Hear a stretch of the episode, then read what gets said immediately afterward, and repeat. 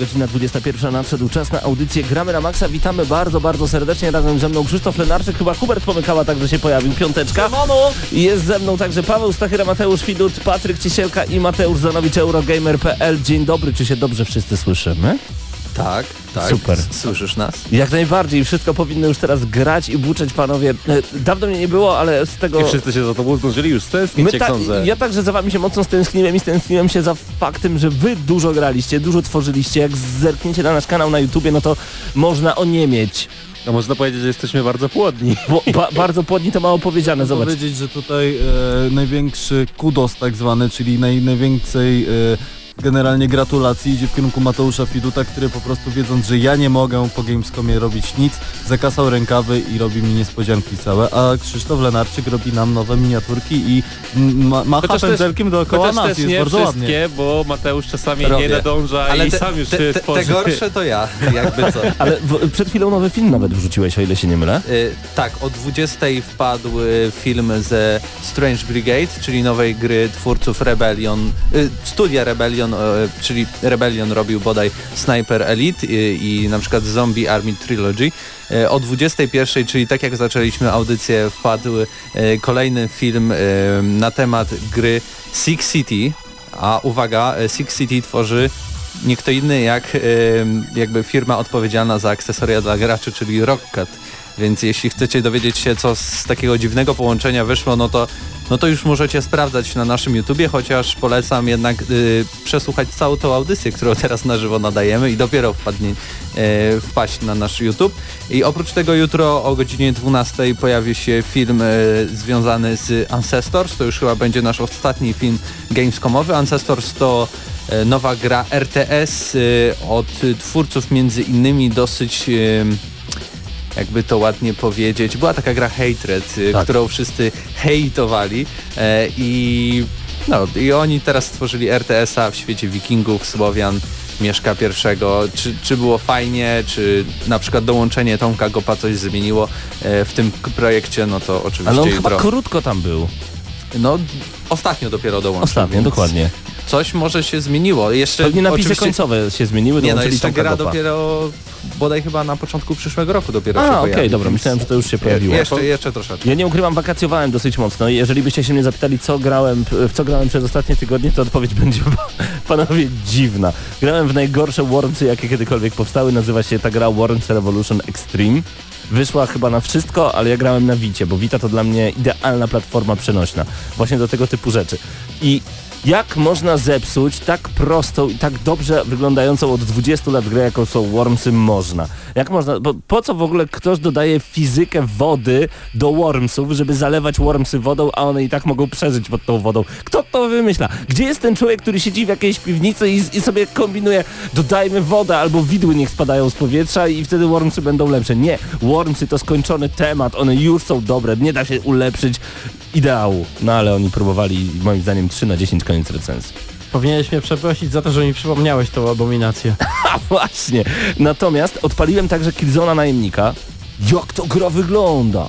PlayStation Vita aż mi się grzało w rękach, grafika niewiarygodna, grywalność niesamowita, znudziłem się po drugiej misji, ale to nie jest ważne, bo dla mnie konsole przenośne raczej służą do, do, do małych gier, a nie do wielkich gier. Gorzej mi się gra po prostu w wielkie gry, ale Killzone Najemnik to jest must have na PlayStation Vita i, i No, nawet... Szczególnie, że to była jedna z tych gier, która była dostępna za darmo przez jakiś czas e, Tak. na, e, poprzez e, PlayStation Store, więc tym bardziej, jeżeli gdzieś tam kiedyś Plusie. posiadaliście, Plusie. tak, plusie oczywiście, jeżeli gdzieś tam posiadaliście Vita i sobie tytuły do biblioteki dodawaliście, to myślę, że tego Killzona również tam macie, więc myślę, że warto to sprawdzić. Oczywiście warto sprawdzić. Odpaliłem jeszcze... Nie, w sumie to te dwie gry. ci Znaczy jeszcze tak. jakieś coś dziwnego, Velocity, coś tam, jakąś strzelankę, ale to... My z Patrykiem spędziliśmy bardzo dużo czasu na drugiej e, prywatnej becie do Call of Duty World War II, no i muszę przyznać, że przez to, że grałem z Patrykiem, e, praktycznie diametralnie zmieniłem swój lekko negatywny stosunek do tej gry, bo pa, e, z- razem z Patrykiem ja nabiłem 28 level ostatecznie, a Patryk 35, czyli maksymalny i muszę przyznać, że no po jakimś czasie wciągnąłem się i e, momentami zastanawiam się, czy sam bym sobie tej gry nie nabył. Ale to jest jakieś szaleństwo w ogóle, 35 level. Patryk, kiedy Ale ty spałeś, kiedy ty jadłeś? graczy, y, też y, poza Patrykiem ten level nabijało i myślę, że właśnie z tego powodu ten maksymalny poziom dostępny był sukcesywnie e, podniesiony, bo on w zasadzie co kilka dni był podnoszony o 5, czyli po prostu tyle graczy się rzuciło na tą betę, tyle osób nabijało te maksymalne levele, że oni musieli wciąż, wciąż dodawać nową zawartość i, i różne tego typu rzeczy, żeby gdzieś przy tej becie ludzi utrzymać. Patryk, czy ta gra się sprzeda? Bardzo mi się wydaje. Gra na pewno się sprzedał, no bo to jest Call of Duty, nie oszukujmy się, tylko że y, tutaj twórcy Call of Duty podeszli do tematu y, multiplayera y, War Never Changes, tak?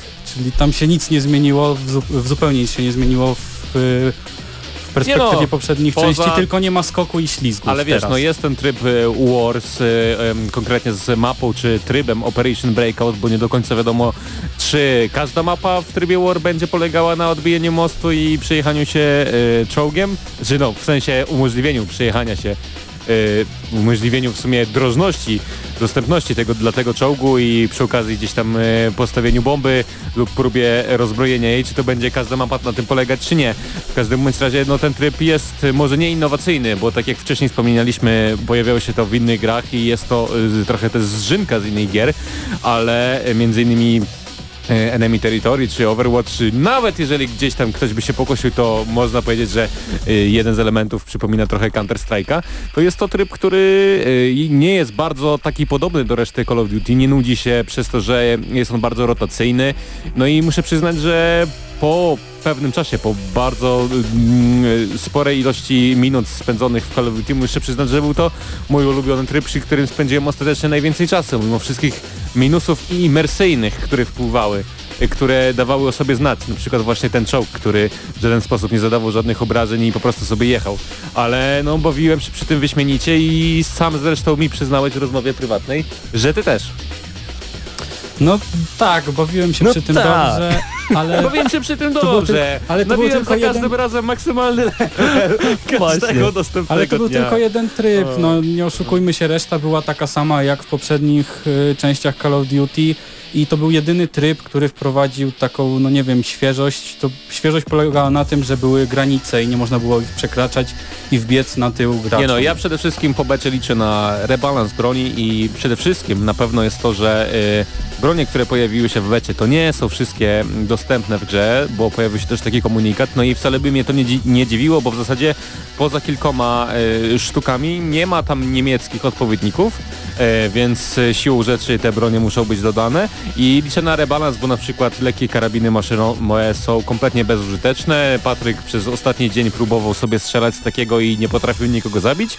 Ja poświęciłem się mm, klasie infantry i tam sobie odblokowywałem te wszystkie mm, karabiny szturmowe i poświęciłem swoją grę jeden garant praktycznie do końca, ale z tego co czytałem i z tego co popróbowałem, to najmocniejszą bronią w becie ukazał się STG-44 określany przez zagranicznych youtuberów jako laser gun. A czy jest, praktycznie nie miała czy jest żadnego BFG odrzutu. 10K? A nie, to w Quake'u, sorry. Ha, ha, ha, hi, hi, hi. Ja podsumowując y, tą betę Call of Duty powiem tak, jak czekałem to teraz w ogóle nie czekam. E, tym bardziej na ten tryb wieloosobowy, na single player jako jeszcze tako, bo zapewne dostaniemy bardzo ciekawy blockbuster e, z jakąś taką super fabułą, w której I- będzie dużo, dużo akcji, ale to, co się działo z tymi broniami, to jak one były w ogóle overpower i zupełnie niezbalansowane. Osoby, które wchodziły do tej bety, to tak naprawdę przez pierwsze kilka godzin nie miały szans zupełnie z nikim, chyba że jak udało im się utłuc jednego przeciwnika, który miał 20 któryś level jakąś y, dobrze ulepszoną broń, to wtedy jako był sens w ogóle grania w to Call of Duty, ale na początku to, to tragedia była, naprawdę. mówię- w porównaniu z Battlefieldem to No nie ma co Poziom depresja. Przesadzasz, e, Poziom tak mi się depresja. wydaje, ale na pewno e, rebalans broni jest potrzebny, bo niektóre bronie są naprawdę za mocne, no i wszystkie są. nie wydaje mi się, że e, powinno być tak, że jedna broń jest wyraźnie tą dominującą przez całą rozgrywkę. Ale jeśli chcecie więcej posłuchać o Call of Duty, to zapraszam do filmiku, który znajduje się na naszym YouTubie. Tam w tamtym tygodniu rozmawialiśmy o Call of Duty, tam były też nasze wrażenia, no i tam też prawie 10 minut materiału. Mogę jeszcze ostatnie zdanie, bo jeszcze chciałem dodać tylko do singla, że jeżeli mamy patrzeć przez pryzmat e, map, które są dostępne w becie, to w singlu będziemy rzucani praktycznie po całym świecie, po całym konflikcie europejskim, nawet w miejscówkach, których nigdy wcześniej nie było, więc myślę, że singiel będzie bardzo fajny i tak jak Mateusz wspomniał, będzie to e, blockbuster. Patryk? E, I tak jak e, było, mówiliście, że o Patryk wbiłeś 35 level, ale No musiało tak. ci się podobać, ale musiało ci się podobać. A tak z No i- nienawiści wbiłeś się, rozumiem, ale mi się nie, to podobało, jest- będę nie, grał nie, nie, dalej. to było spoko, ale wydaje mi się, że już w tym momencie wyczerpałem cały temat Call of Duty i mam tak samo jak, takie samo odczucie jak po Overwatchu, że po pograniu tam załóżmy w dwie bety pod rząd y, co tydzień, y, mam już dość, no już pograłem, znudziło mi się, no już więcej po to nie będę Ale sięgał. poczekaj, chcesz mi powiedzieć, że kiedy wyjdzie pełna wersja, to nie będziesz grał w multi Call of Duty, że Nie, w multi na pewno nie będę grał. Jeszcze jak wyjdzie, to pokusiłbym się na singla, Okej. ale w multi już postrzelałem. Wystarczyło. postrzelane. Y, chcemy was zaprosić także na naszą stronę gramy na maxa.pl, tam znajduje się m.in. audycja z zeszłego tygodnia. To była audycja wyjątkowa, bo panowie rozmawiali aż przez dwie godziny o targach Gamescom. Y, Był wyjazd do Niemiec, byli w Kolonii i tych gier jest naprawdę mnóstwo. Osób, które nie były razem z nami w zeszłym tygodniu, mnie także nie było. Zapraszam bardzo serdecznie właśnie na gramy na maxa.pl do działu audycje. Jesteśmy także na SoundCloudzie. Paweł, jak nas znaleźć na SoundCloudzie? Na Mixcloudzie. Właśnie. Mixcloud GNM. Po prostu, Po Mixcloud prostu, GNM. Tam GNM. nas znajdziecie jak najbardziej, no także macie informacje, o czym rozmawiamy w każdej audycji. Paweł nad tym czuwa. A my, a my chcemy was zostawić na chwilę z muzyką. Dajcie głośniej, szczególnie jeżeli słuchacie nas na e, słuchawkach, bo, bo będą emocje za chwilę. A to wszystko jest związane z płytą, którą kupiłem na e, aukcji charytatywnej Angèle Dubois and La Pieta. Tak? Dokładnie. Muzyka z Halo 3, One Final e- e- Effort, dokładnie tak nazywa się em, ta muzyka, a, a, a usłyszymy to w wersji na smyczki. I brzmi to, co ja wam będę mówił zresztą, posłuchajcie, bo brzmi to przerewelacyjnie.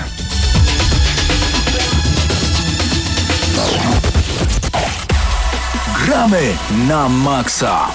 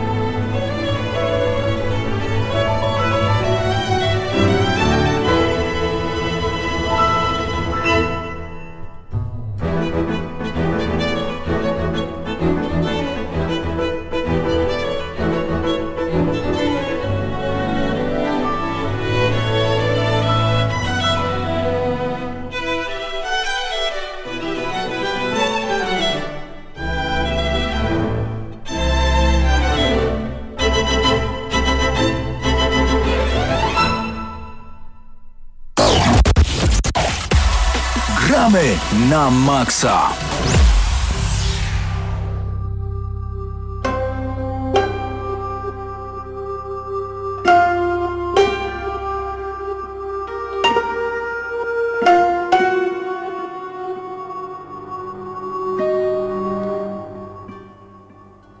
Gramy na Maxa czas na recenzję gry Absolver, która ukazała się 29 sierpnia na PC i na PS4. Jest to produkcja studia Slowcap, którą wydaje Devolver Digital i co ciekawe już wiemy teraz, że to jest najlepsza w ogóle premiera w historii Devolver Digital, Digi, Digital więc to jest ciekawa sprawa, bo to jest, przypomnijmy, ten wydawca takich gier niezależnych, który między innymi zajmował się takimi hitami jak Hotline Miami, więc e, całkiem ciekawa sprawa, że Absolver był tak popularny.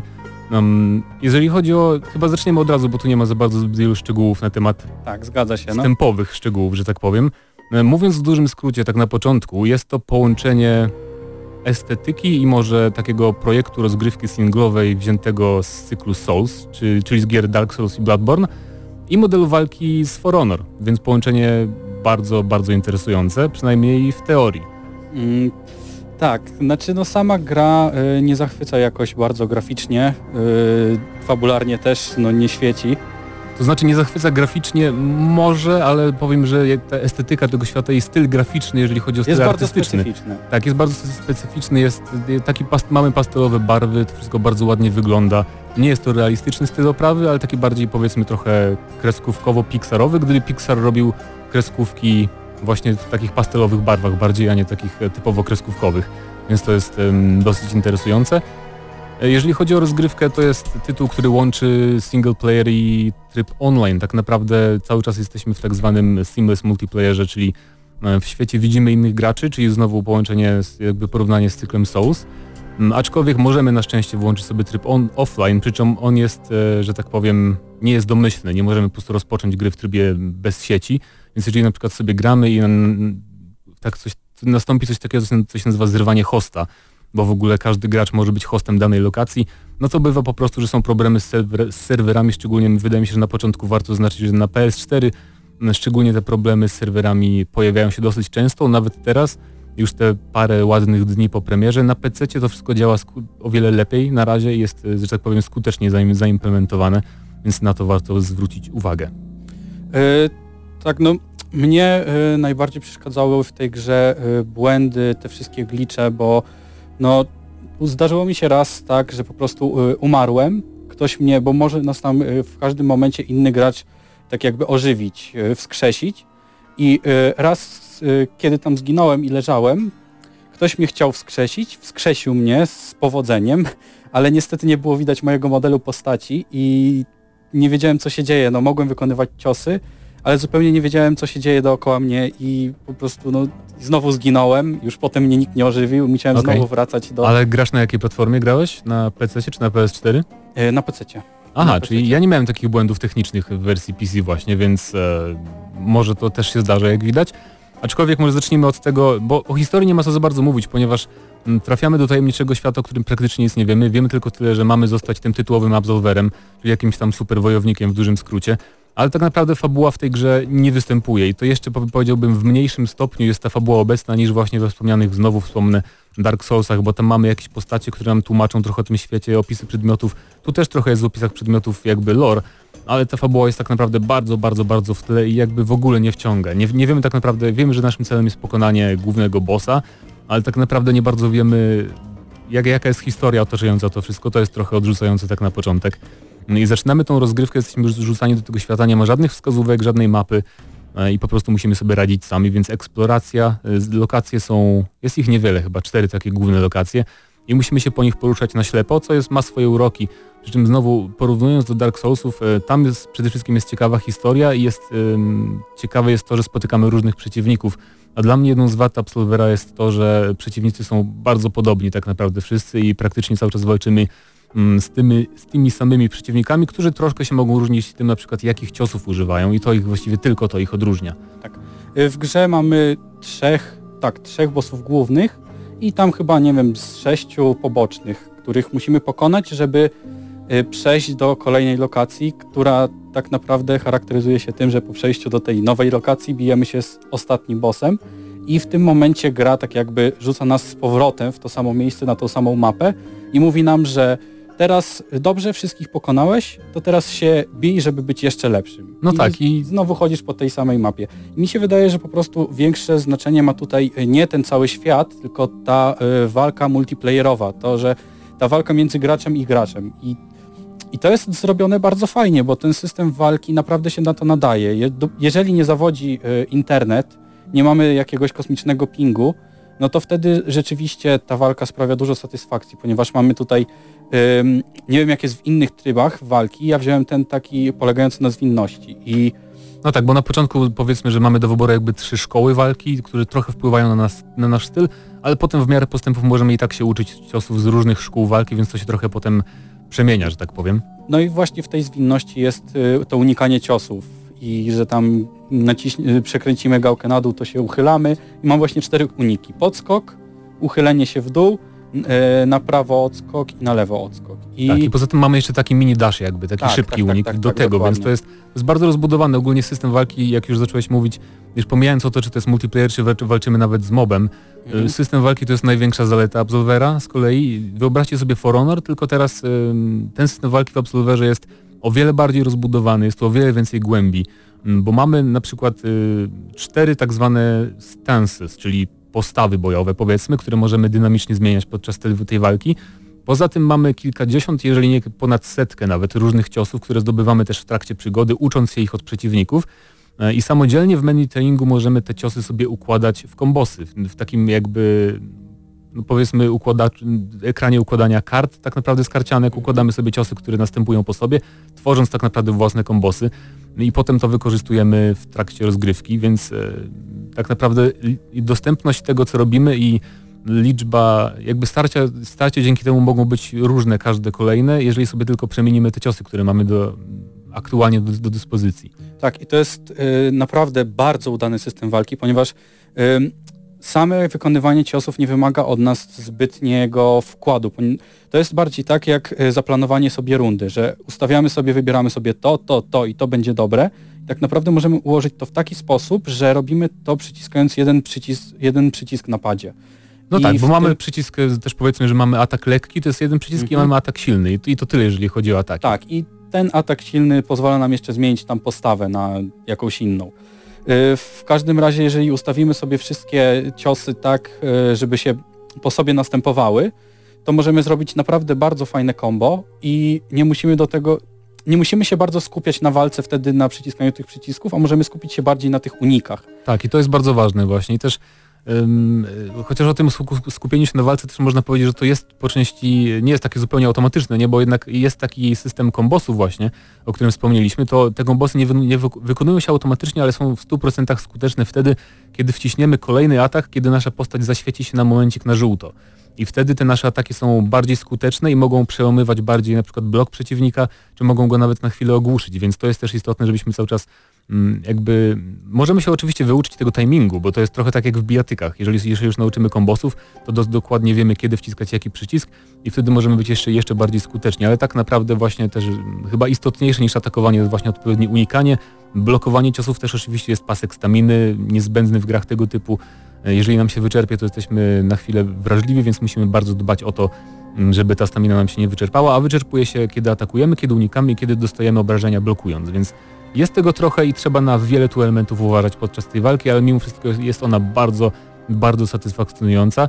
Chyba, że walczymy z trzema przeciwnikami, albo z czterema, Albo albo, z z pięcioma, co podczas singlowych potyczek z botami właśnie nieraz się czasami zdarza i to jest z kolei najbardziej frustrująca rzecz chyba w Absolverze. Tak, ale jak sami twórcy y, mówili, tam jest duży nacisk położony na współpracę i w każdym momencie możemy się dogadać z graczem, znaczy dogadać. Mamy 8, 8 prostych gestów, które tak naprawdę zastępują nam cały czat w grze, ponieważ jest tam y, chodź za mną, przywitanie i tak dalej i możemy się dogadać przy pomocą tych gestów z graczem i potem chodzić razem i w, we dwójkę, we trójkę nawet czy czwórkę y, pokonywać, y, pokonywać przeciwników I no jest to przyjemne i trzeba dodać, że y, sama społeczność jest bardzo fajna w tej grze. Tak, Naprawdę tak. dawno się nie spotkałem z tak, z tak miłą społecznością. Wszyscy się kłaniają po walce, przed walką. To prawda i mało jest osób, bo tak jak powiedziałem, to jest takie jakby, mamy sobie tą grę singlową naszą, pokonujemy bossów i tak dalej, ale spotykamy innych graczy i ci gracze mogą nas zaatakować w każdej chwili, jeżeli tylko chcą i bardzo mało właśnie jest takich graczy, którzy po prostu bez sensu nas ata- atakują, bo tak naprawdę to nie ma dużych korzyści dla,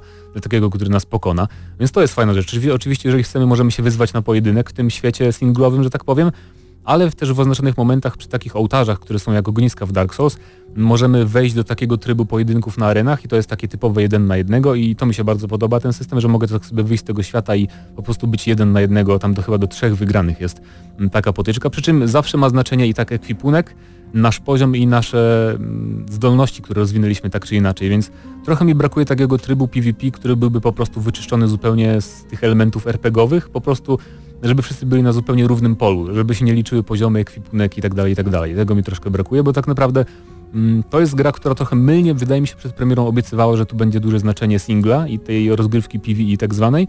Natomiast y, tak nie jest. To jest jednak gra w 100% PvP, jeżeli już te 4, ten 4-godzinny samouczek tak naprawdę, czyli tryb singlowy przejdziemy, to potem pozostaje nam głównie PvP, chyba że chcemy powtarzać walki z bossami na trudniejszych poziomach.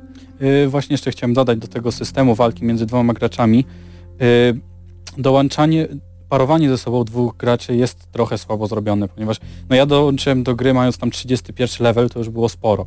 I zdarzało mi się grać z ludźmi, którzy mają 18, no i no nie mieli szans, po prostu nie mieli fizycznie szans, żeby mnie pokonać, nawet gdyby byli jacyś super dobrzy. No i właśnie. tak no. miałem sporą przewagę, jeżeli chodzi o mój ekwipunek i o moje ciosy, które miałem później Mhm. odblokowane. I właśnie stąd było to moje, to, to moje życzenie, żeby wprowadzili taki tryb PvP, w którym to by nie miało znaczenia, to jaki mamy poziom.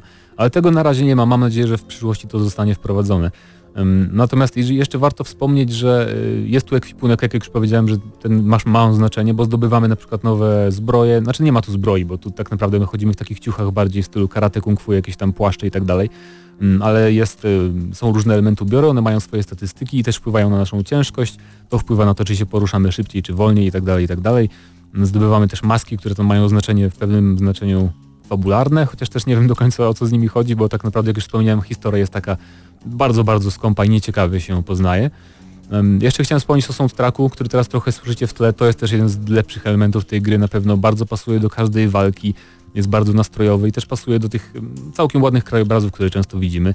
Um, A widzimy je w pustych lokacjach, bo tak naprawdę, jak już powiedziałem, ci wrogowie się powtarzają, często widzimy podobnych przeciwników, a jak nie mamy przeciwników, to nie mamy praktycznie nic poza ładnymi widokami, które czas- czasem są i biegniemy, zdarza się, że biegniemy 5 minut i tak naprawdę nie spotykamy nic, e, nie widzimy nic, nic ciekawego poza jakimś tam krajobrazem, który już się znudzi, jak zobaczymy go enty raz, bo te lokacje są cztery, jak już powiedziałem na początku, główne i dosyć szybko się jakby uczymy się tych najlepszych ścieżek, gdzie jak dotrzeć i tak dalej, więc na dłuższą metę to jest troszeczkę monotonne.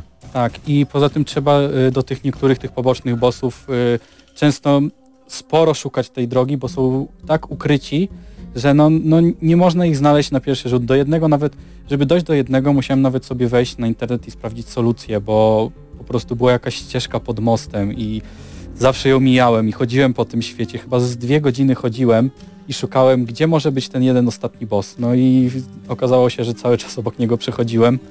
No bywa, bywa. Są bardzo drobne wskazówki w grze, takie kropeczki na mapach, które są tylko widoczne na takich... W jednym miejscu mamy mapę dostępną tak, Tak, naprawdę. mamy- Musimy mamy sobie zapamiętać albo zrobić zdjęcie. Tak, mamy szarą mapę i na niej kropeczki. I nie mamy żadnych ścieżek, nic, tylko masz mapę, idź człowieku, sam znam. No, ale będziemy już podsumowywać, bo tak naprawdę wszystkie elementy Absolvera opisaliśmy. To jest gra jakby jednocześnie bardzo głęboka i rozbudowanie, jeżeli chodzi o system walki, ale sama zawartość jest dosyć prosta do opisania, bo jest tego niewiele. To wszystko się obraca wokół właśnie pojedynków i pojedynki to jest najlepszy element tej gry i jeżeli miałbym oceniać sam system walki, to dałbym tej grze 9 na 10. Naprawdę, jest fascynujący. Jest nawet lepszy niż For Honor, a For, a For Honor mi się bardzo podobało. Mm, Jest bardzo rozbudowany i można po prostu... Ja już rozegrałem jakieś chyba 30 godzin w tej grze, ale i tak wiem, że jeszcze nie odblokowałem wszystkich możliwych kombosów, y, wszystkich możliwych, nie wiem, stylów walki i tak dalej, i tak dalej, więc to jest na pewno wielki plus. Aczkolwiek ta zawartość singlowa jest rozczarowująca, brak ciekawych jakichś NPC-ów, jakichś historii, to jest rozczarowujące. Walki z wieloma przeciwnikami naraz, nawet mimo tej współpracy, są nieintuicyjne i niewygodne i irytujące na dłuższą metę. I brak trybu PvP takiego, w który nie brałby pod uwagę naszych poziomów też trochę rozczarowuje. Dlatego dla mnie Observer, obse, Absolver, przepraszam, bo mówię Observer, bo też będzie recenzja tej gry w, podczas audycji, ale Absolver to dla mnie 7 na 10.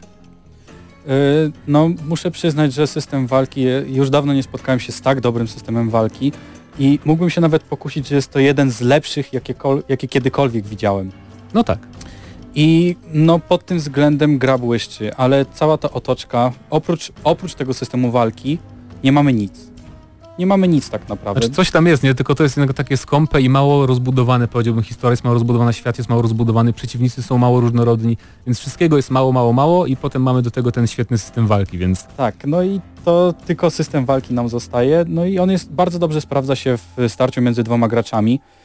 Także no podobnie jak ty Mateuszu 9 za system walki, a za samą grę 7. Więc 7 na 10 od- dla Absolvera odgramy na maksa.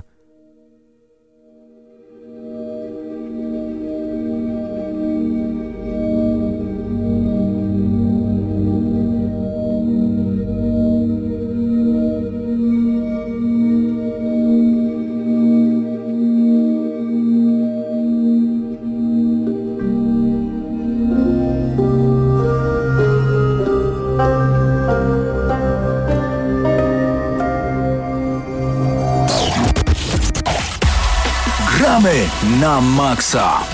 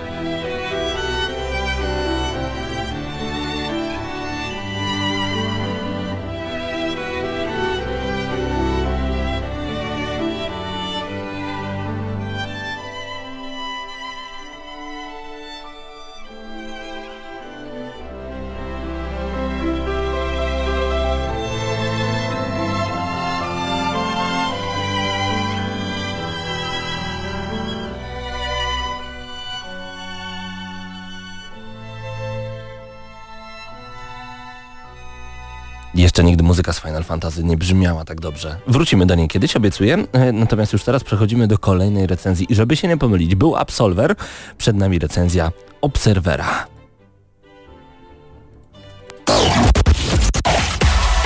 Gramy na maksa. Tym razem w Gramy na Maxa łapiemy za grę od polskiego studia Bluebird Team, odpowiedzialnego między innymi za taką takie naśladownictwo Bombermana, mam na myśli tutaj Brawl i oni stworzyli grę, która nazywa się Observer i podobno wrócili do pierwszej ligi. Czy tak jest? E, Razem ze mną Paweł i Patryk. Panowie, wy straciliście albo przekazaliście mnóstwo czasu na Obserwera, czy straciliście, czy przekazaliście? O tym dowiemy się już za chwilę. Czym jest Obserwer? Poza faktem, że to symulator chodzenia porucznika Borewicza, tylko w trochę innym klimacie. Tak, dobrze zauważyłeś, to jest porucznik Borewicz w cyberpunku. Mamy tutaj taki, cała stylistyka gry jest troszeczkę takim pomieszanym cyberpunkiem z socrealizmem. E, natomiast e, jeżeli chodzi o twórców, e, gra bardzo przypomina ich poprzednie dzieło, za które są chyba najbardziej znani, Layers of Fear. To był taki symulator chodzenia tak naprawdę, Mhm. ale z pewnymi ambicjami przede wszystkim estetycznymi, żeby być czymś więcej niż tylko prostą historią opowiadaną po prostu z perspektywy pierwszej osoby. W tym wypadku jesteśmy, tak jak powiedziałeś, Borewiczem w roku, nie jestem pewien którym, 2080 któryś, Czwarty. 84, e, tysiąc lat po wydarzeniach z powieści, e, 1100 lat po wydarzeniach e, z powieści 1984. E, jest to takie troszeczkę taka utop, e, nie utopijna, e, dystopijna przyszłość w piątej Rzeczpospolitej, co warto zaznaczyć. E, cały, całe, cała Polska, cały nasz kraj jest zdominowany przez taką korporację, ona się nazywa Chiron, która odpowiada za e, wszczepianie implantów e, do, e, w ciała ludzi, które generalnie stały się już e, w tych czasach taką powszednością, tak? E, Pomagają nam w życiu codziennym, zastępują stracone kończyny. Mm, Jednocześnie e, ta korporacja zyskuje dzięki temu bardzo dużą władzę ponad każdym aspektem życia. Może nas obserwować, może nas inwigilować. E, Dodatkowo e, w społeczeństwie, w tym świecie e, jest taki powszechny strach przed zarazą znaną jako nanofagium. Nan tak? No coś, Tak. coś w tym stylu. Jest taki wirus. No. Jest taki wirus, Już tam który, nie wchodźmy w nazwy, bo to nie jest tak, tak bardzo ważne. wirus, Dobra. wirus dotyczy... E, wi wirus jest wirtualny, tak? E, atakuje oprogramowanie związane z tymi szczepami i tak naprawdę e, żyjemy w społeczeństwie, żeby to już podsumować, żyjemy w społeczeństwie, w którym w każdym momencie możemy się bać tego, że zostaniemy e, skontaktowani, że zostaniemy zarażeni przez ten wirus, a następnie usunięci przez tak zwanych czyścicieli. Toż tu się chyba naczytał Marcina Przybyłka i Game Decka. Tam mnóstwo takich historii. Notabene, jeżeli jeszcze nie czytaliście Marcina Przybyłka i serii Game Deck, wyłączcie ten film, wyłączcie radio, idźcie do biblioteki, chociaż akurat jesteśmy teraz na żywo, więc jest 21.39. Ale kupcie te książki i po prostu wejdźcie w ten świat. Mam najpierw pytanie, zanim Patryku coś dodasz. Czy fakt, że książka jest, znaczy nie książka, wróćmy do gry, Observer, y, czy fakt, że gra jest y, w Polsce, jest to gra o Polsce, czy jest to jednak temat na tyle uniwersalny, że przez to, iż y, wszystko dzieje się w Polsce, nie przeszkadza, ba wręcz nawet pomaga? Trzeba pamiętać, że to się dzieje tak w Krakowie, ale nie widać tego jakoś specjalnie. E, Tak naprawdę jest to taki uniwersalny cyberpunkowy świat. E, Oczywiście wiadomo, pewne smaczki takie jak e, plakaty różnego rodzaju i Albo woźny Janusz. woźny Janusz, jeżeli się nie mylę, to udźwiękawiany przez Arkadiusza. Arkadiusza Jakubika. Jakubika, Tak, jest to, od razu chciałbym powiedzieć, najgorszy wybór w tej grze, ale do voice jeszcze przejdziemy. Choć Jakubik to świetny aktor. Jakubik to świetny aktor, ale mi się wydaje, że nie za bardzo wiedział, co robi, Okej. w co się pisze. Mhm. Natomiast tak, nie czuć, to nie, nie czuć, że jesteśmy w Polsce, chociaż każdy ma na komputerze grę ogniem i mieczem w pająki, czy coś w tym stylu. Okej. Natomiast, y, no mówię, to jest taki typowo cyberpunkowy świat z takimi delikatnymi smaczkami, które przypominają trochę seriale perelowskie, kryminalne. Tak, y, kwestia to bardziej dotyka takich, y, z, mm, takich dla wszystkich obecnych zasad, jakie mogą, co może się stać w przyszłości. To nie jest oparte głównie na Polsce, że to jest Polska, musimy mówić, że to jest Polska i tak dalej. To jest bardziej tak mm, mm, No w każdym bądź razie dotyka takiego szerszego tematu, Okej. a nie, a nie samej Polski. Czyli generalnie przyszłość, co może się wydarzyć w przyszłości, co zgadza się się. stanie, kiedy takie wszczepy się pojawią w, naszych, w naszym organizmie, etc., czyli Skynet wieczny żywy. Tak, i Paweł już nam nakreślił świat, w jakim, w jakim będziemy działać. No to co będziemy robić w ogóle w tej grze, bo ja od razu widzę się- Deus Exa. Wcielamy się w tytułowego y, obserwera, czyli jest to detektyw, który posiada możliwość y, wszczepiania się do tych chipów, które wszyscy mają ludzie wszczepione w mózg y, i przesłuchiwania w ten sposób swoich swoich y, Jak w Remember Me. I to jest, naprawdę to jest super i bardzo podoba mi się realizacja tego pomysłu, ponieważ nie jest to takie, takie milutkie podpięcie się już wszystko wie, tylko musi, musi swoje wycierpieć e, osoba, która się podłącza. Okej. No i e, wcielamy się w tego naszego detektywa. E, dzwoni do nas e, nasz syn i mówi, że jest w niebezpieczeństwie. I my jedziemy do domu, w którym rzekomo ten syn, syn jest i tam zaczyna się dziać cała akcja. I głupio, głupio będzie teraz mówić, co tam się dzieje, bo tak naprawdę to jest, to jest e, wszystko, co ma, znaczy, co Tak ma się- do tak- zaoferowania nam gra. Nie, Aha. ale to jest... Ale tak się rozkręca cały tak, obserwer. ale to jest większa część gry. Sam, sam klimat, sama historia. Czyli bo... nie chcemy tutaj zrobić typowo TVN-owsko-polsatowskiego trailera, gdzie wszystkie sceny walki będą powiedziane w recenzji, tak? Tak, dokładnie. Okej, dobra, dobra. Czyli w to musicie wtedy zagrać, żeby się dowiedzieć więcej, natomiast powiedzcie, czy są emocje?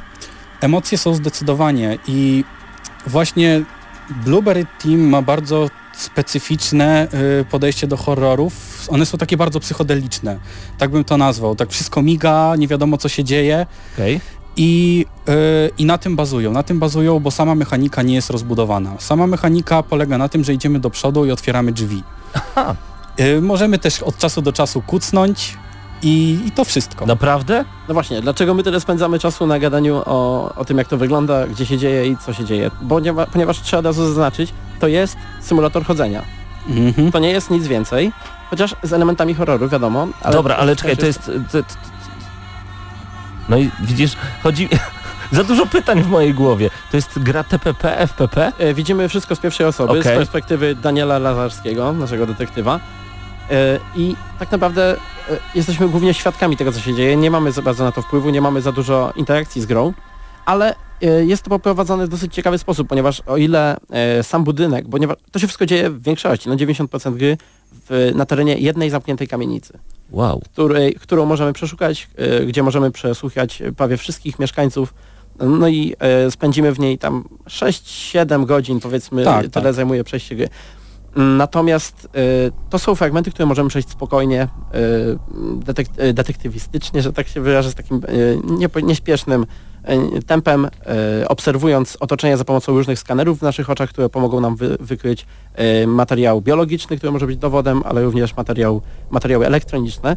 Natomiast ta druga część rozgrywki to właśnie te sny, o których wspomniał Patryk i to w snach pojawia się coś, czego nie było w poprzednich grach studia, czyli możliwość przegrania, ponieważ generalnie e, symulatory chodzenia mają to do siebie, że się nie przegrywa za często, albo nie ginie.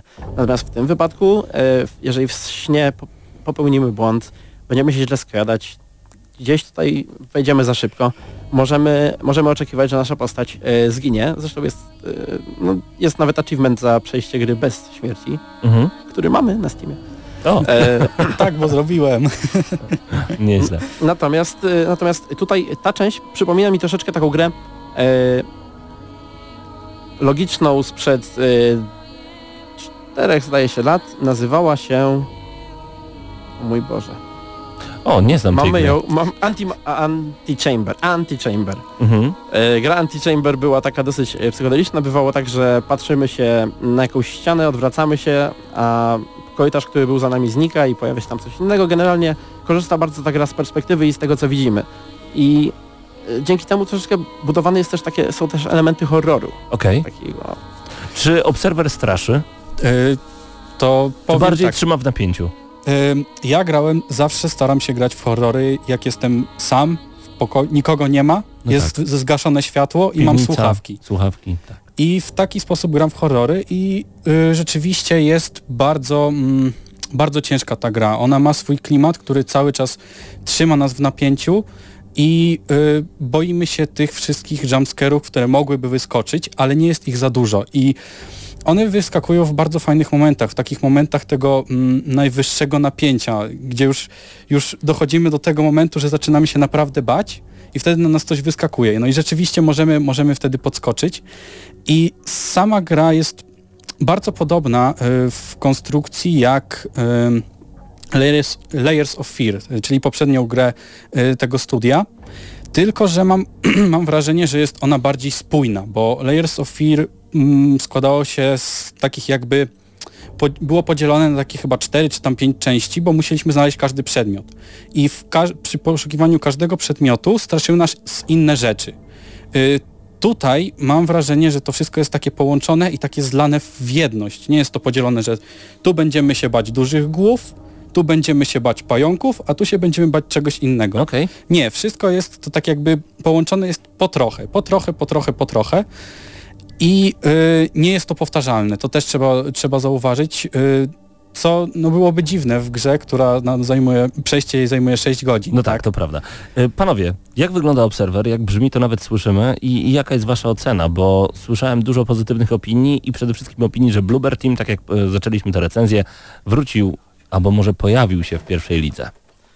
No, nie przesadzałbym z tym, pojawił się w pierwszej lidze, ponieważ to wciąż jest jednak niszowy symulator chodzenia, Mhm. który tak naprawdę, o ile dostarczy nam tego, co chcemy, fajnej opowieści, e, nawet ciekawych, e, są nawet zadania poboczne, co nie zdarza, się, nie zdarza się tak często w tego typu grach, Mhm. E, Dostarczy nam na pewno ciekawych wrażeń, również tych audiowizualnych, o których wspomnieliśmy, szczególnie tutaj za sprawą jednego z voice aktorów.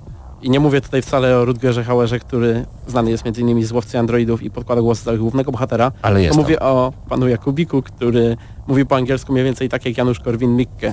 Polecam O, posłuchać tych Okej, wywodów. Natomiast e, ocena, mięcho. generalnie gra mm, jest jak najbardziej solidna. Myślę, że 6 na 10 dobrze oddaje to, ile kontentu nam dostarcza. Patryk, jak, jak od ciebie? Y, muszę powiedzieć tak, gra jest krótka, ale czy to jest źle, że gra jest krótka? Moim Szczególnie, zdaniem, je, szczególnie, jeżeli że ma content, to nie jest źle. Szczególnie, że to jest horror. Musimy sobie zadać pytanie, czego, czego chcemy od horroru, od y, gry typu horror. Czy chcemy, żeby to była gra ze wszystkim naraz, czy ma być to horror, który ma nas straszyć i pokazać nam jakąś historię? No ma być konkretnym tematem, jak łowca androidów. Tak, zgadza się. I mi to w zupełności wystarczało. Mi odpowiadało taki typ horroru i to, że nie był za długi, ponieważ w większości horroru, horrorów tych y, wysokobudżetowych typu y, Outlast y, czy coś w tym stylu, no one są po prostu za długie moim zdaniem. W połowie gry mm, zaczyna nas, tak, Mhm. zaczyna nas to nudzić i jest bez sensu granie dalej.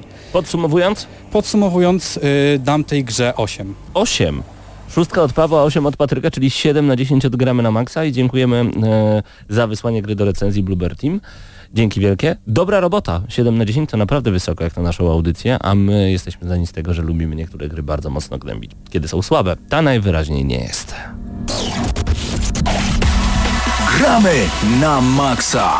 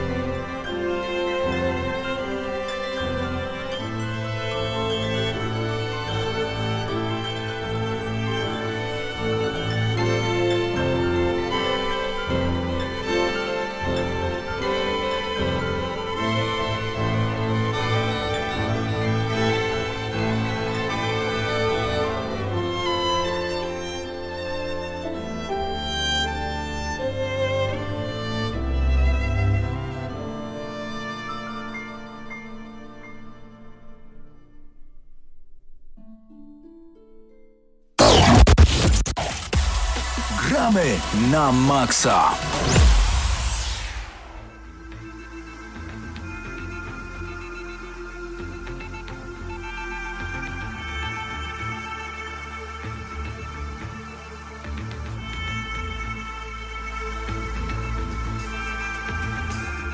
Gramy na Maxa czas na recenzję F1 2017. Razem ze mną w studiu jest Krzysztof Lenarczyk. e, przed mikrofonem Mateusz Świdut. E, Krzyśku, zagrywaliśmy się w F1 najnowszą odsłonę tegoroczną, która pojawiła się e, dokładnie już mówię 25 sierpnia bieżącego 2017 roku. Gra pojawiła się na PC, na Xboxie i, i zarówno też na PlayStation 4.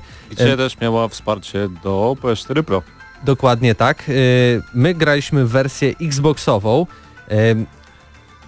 Wydawca twierdzi, że ta gra ma dwie wersje językowe. Polską i angielską, co jest w ogóle dosyć y, y, dziwnym Dziwne. stwierdzeniem, ponieważ, już tutaj tłumaczymy dlaczego, y, gra jest tak naprawdę w 20% po polsku, a w 80% po angielsku. Bo znaczy, mamy tak. Nie wiem, czy można określić to procentowo, ale to jest tak, że menu i generalnie wszystkie ustawienia y, i tego typu rzeczy mamy no, po polsku, czyli wszystkie takie specjalności, jakieś takie mm, nie wiem, nachylenia spoilera, strategię bolidu możemy sobie w naszym rodzimym języku ustawić, ale wszystkie komunikaty na przykład od zespołu, wszystkie y, rozmowy w trybie kariery i tak dalej, wszystko to jest y, wyłącznie po angielsku, łącznie z napisami i nawet nie ma gdzieś opcji, żeby te napisy sobie na y, język y, mm, polski przestawić. Można przestawić zupełnie na inne języki, na przykład francuski czy niemiecki, ale polskiego tam nie ma i nie wiem, czy to jest y, jakby mm, celowe, y, czy tak będzie docelowo. Wydaje mi się, że jest to do naprawienia kilkoma łatkami, bo tego tekstu też nie ma jakoś ogromnie dużo, aczkolwiek no, dla osób, które mają problemy z językiem angielskim, no to myślę, że no będą miały, problemy z zrozumieniem takich podstawowych komend, czy, y, czy mm, no komend, czy dialogów, które tam się w, w tej grze pojawiają. Na pewno to jest y, dosyć dziwne rozwiązanie, rozwiązanie które chyba wpłynie na, na ocenę naszą, no bo oczywiście jeśli gra byłaby w pełni po angielsku, to bym rozumiał, że po prostu tak jest, a tutaj takie pomieszanie z poplątaniem niestety do niczego dobrego y, nie prowadzi. F1 pojawia się praktycznie co roku, Codemasters przygotowuje kolejne wersje, bo jak i samo F1 e, bolidy się zmieniają, tak więc i sama gra musi się zmieniać. E, Podobnie jest zresztą przecież i, i z No piłką. Zmieniają ale- się też trochę zasady F1, No tak. e, więc siłą rzeczy nowe mechaniki muszą pojawiać się w grze. E, Poza oczywiście nowym sezonem, który pojawia się w F1 2017, takim mm, dodatkiem, nowością są klasyczne bolidy, które e, się pojawiają. E, Ma to osobny tryb, e, gdzie możemy się ścigać e, zarówno online, jak i z komputerem, wszystkimi tymi bolidami klasycznymi w jednym wyścigu, ale też w, trybie kariery dostajemy wyzwania, na przykład, że y, ścigamy się na czas takim klasycznym bolidem, albo musimy dogonić jakiś inny klasyczny bolid danym, danym bolidem.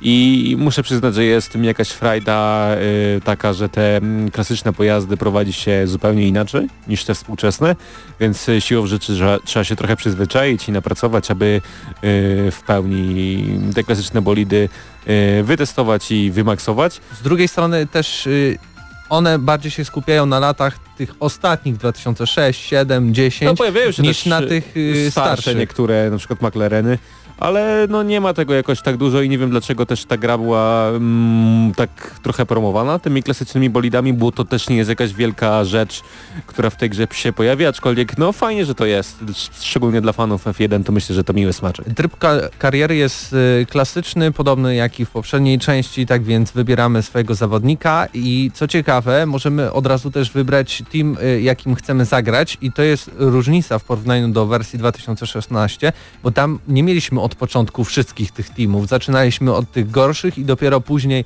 oczywiście wraz z rozwojem naszej kariery, mogliśmy się przesiąść na przykład e, do McLarena, e, a tutaj możemy zacząć na początku McLarenem, aczkolwiek... Dostajemy e, trudniejsze zadania na przykład. tak, y, i też nie mamy y, bonusów, które wpływają na punkty i na to, ile zarabiamy pieniędzy i ile mamy mm, jakby takich waluty na badania. Bo co ciekawe, pojawia się drzewko umiejętności, które jak powiedziałeś mi przed recenzją, jest bardziej rozbudowane niż w jakiejkolwiek y, współczesnej grze RPG. Naprawdę jest olbrzymie. Tam możemy y, jakby też zacząć testować konkretne funkcje, uczyć się e, jak jeździmy bolidem, ale też y, no, No dostajemy to- jakiś boost. Bo wydaje się, że też to nie powinno mieć znaczenia, ale czy na tych niższych poziomach trudności oczywiście wygramy z każdym, nawet jeżeli jesteśmy w najsłabszym zespole, jakim jest Sauber, ale w momencie, gdy właśnie chcemy sobie rzucić jakieś wyzwanie i podejmujemy karierę jakimś słabszym,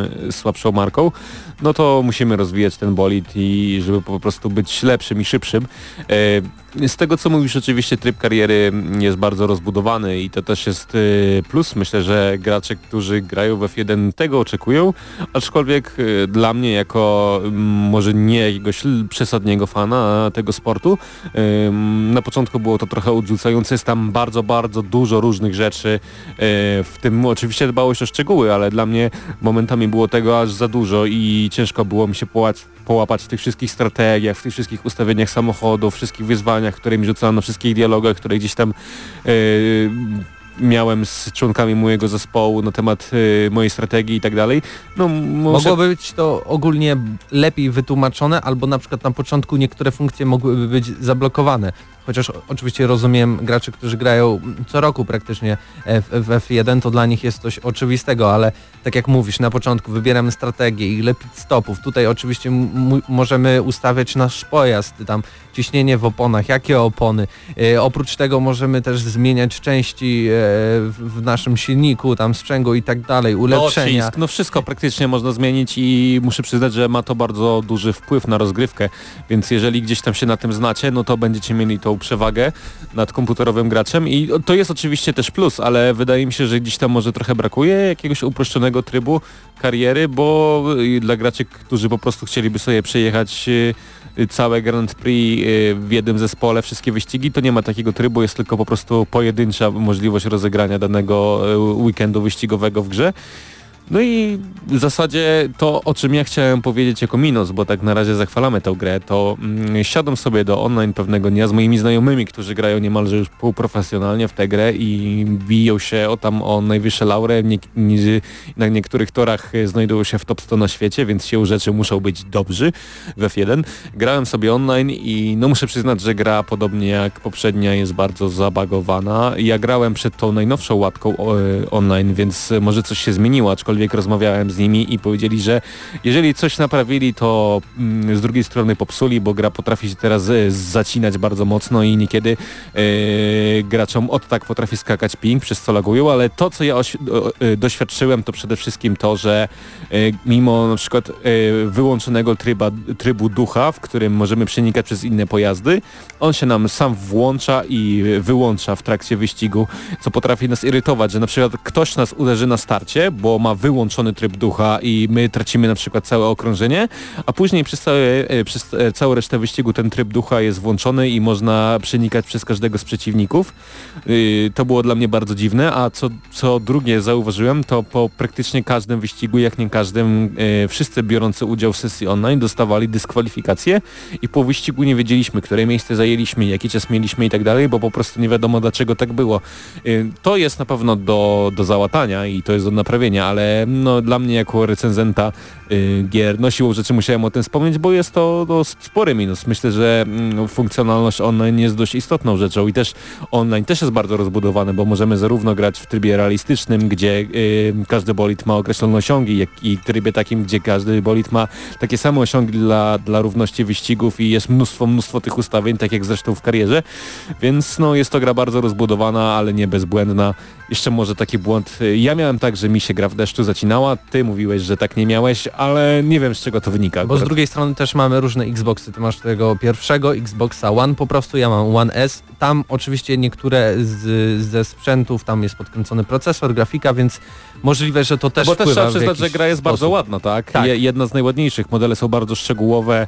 Y, w zasadzie jedyne do czego się można przyczepić to wygładzenie krawędzi przy oponach, a tak poza tym no to gra jest po prostu śliczna. Tym bardziej też y, w tych cutscenkach, w których widzimy y, osoby z naszego zespołu, możemy z nimi porozmawiać, siedzimy przy laptopie i tak dalej. Bardzo płynne przejścia są i też samo ładowanie pomiędzy konkretnymi wyścigami, treningami, kwalifikacjami to trwa dosłownie chwilę, a dodatkowo żebyśmy nie siedzieli bezczynnie, mamy możliwość e, ustawiania konkretnych e, rzeczy, na przykład ile będziemy mieć okrążeń w danym wyścigu, pozmieniać takie bardziej podstawowe funkcje, bo tam nie mamy aż takiego dostępu do, na przykład do ustawienia, nie wiem, tak jak mówiliśmy, e, czy, czy mamy włączony KRS i tak dalej, i tak dalej. Więc F1 2017 bardzo nie zaskoczyło pozytywnie. Można mówić, że to jest najlepsza część serii, ale podejrzewam, że będzie tak zawsze i to jest to jest jakby taki Codemast to jest- Codemasters, tak? Kiedyś się mówiło Codemasters, teraz się mówi Codemasters poprawnie.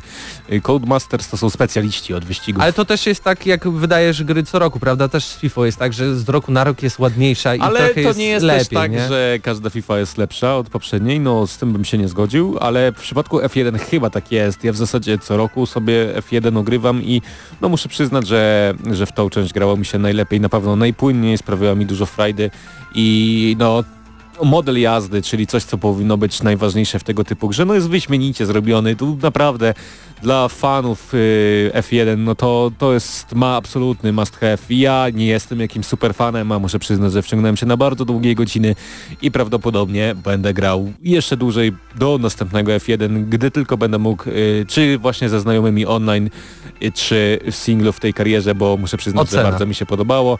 Ym, 8 ode mnie, za te minusy oczywiście online, które spotkałem i no trochę mnie to zdziwiło, że tak duża gra y, może mieć takie błędy na start, aczkolwiek tak jak mówię, wydaje mi się, że jest to choroba wieku dzie- dziecięcego i to się jeszcze zmieni wraz z nadchodzącymi łatkami. Jeśli chodzi o wady, to przede wszystkim, tak jak wspominaliśmy na początku tej recenzji, e, pomieszanie z tymi tłumaczeniami, dodatkowo te błędy w trybie multiplayer, e, ale także trochę brakuje na przykład komentarza podczas tych wyścigów. Oczywiście fajne jest to, właśnie, że miałem- mamy e, te LB, naciskamy LB i ma, możemy wydawać jakieś, zapytać się naszego zespołu, którzy jesteśmy, jak wygląda e, statystyka naszego Tak, zespołu y, i tak dalej. obsługuje sensor Kinect i tam y, możemy w ogóle głosowo się porozmawiać ze swoim zespołem, ale też y, zapomniałem o tym powiedzieć, ale przed audycją y, zajrzałem specjalnie do takiej starej gry, nie wiem czy ktoś pamięta, Grand Prix 4 i tam y, wyścig z perspektywy widza był lepiej pokazany jako takie święto F1 jako wyścig niż w najnowszym, y, w najnowszej grze od Codemasters.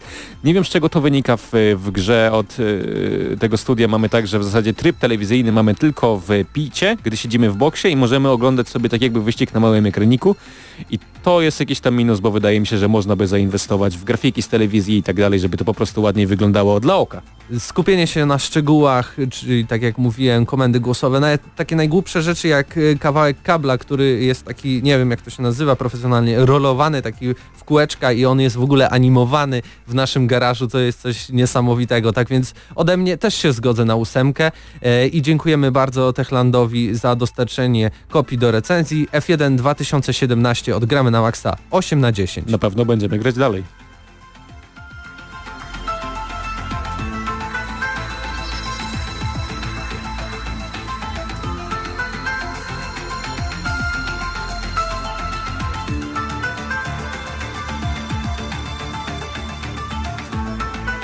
Moi drodzy, w ten oto sposób kończymy 500, któryś już odcinek audycji Gramy na Maxa. Jeżeli chcecie być z nami zawsze na bieżąco, zapraszamy Was bardzo serdecznie na gramy na maxa.pl. Obiecuję, że wrócimy jeszcze oczywiście do e, płyty instrumentalnej Angel Dibo i Lapieta. To oczywiście fantastyczny zespół, który w sposób w sposób niecodzienny przerobił utwory z gier wideo. E, Obiecuję, że będziemy z Wami już w najbliższy wtorek o godzinie 21 w audycji Gramy na Maxa. Ja nazywam się Paweł Typiak, razem ze mną byli Krzysztof Lenarczyk, Mateusz Widut, a także Hubert Pomykała, Patryk Ciesielka, Paweł Stachyra, no i Mateusz Zanowicz, Eurogamer.pl.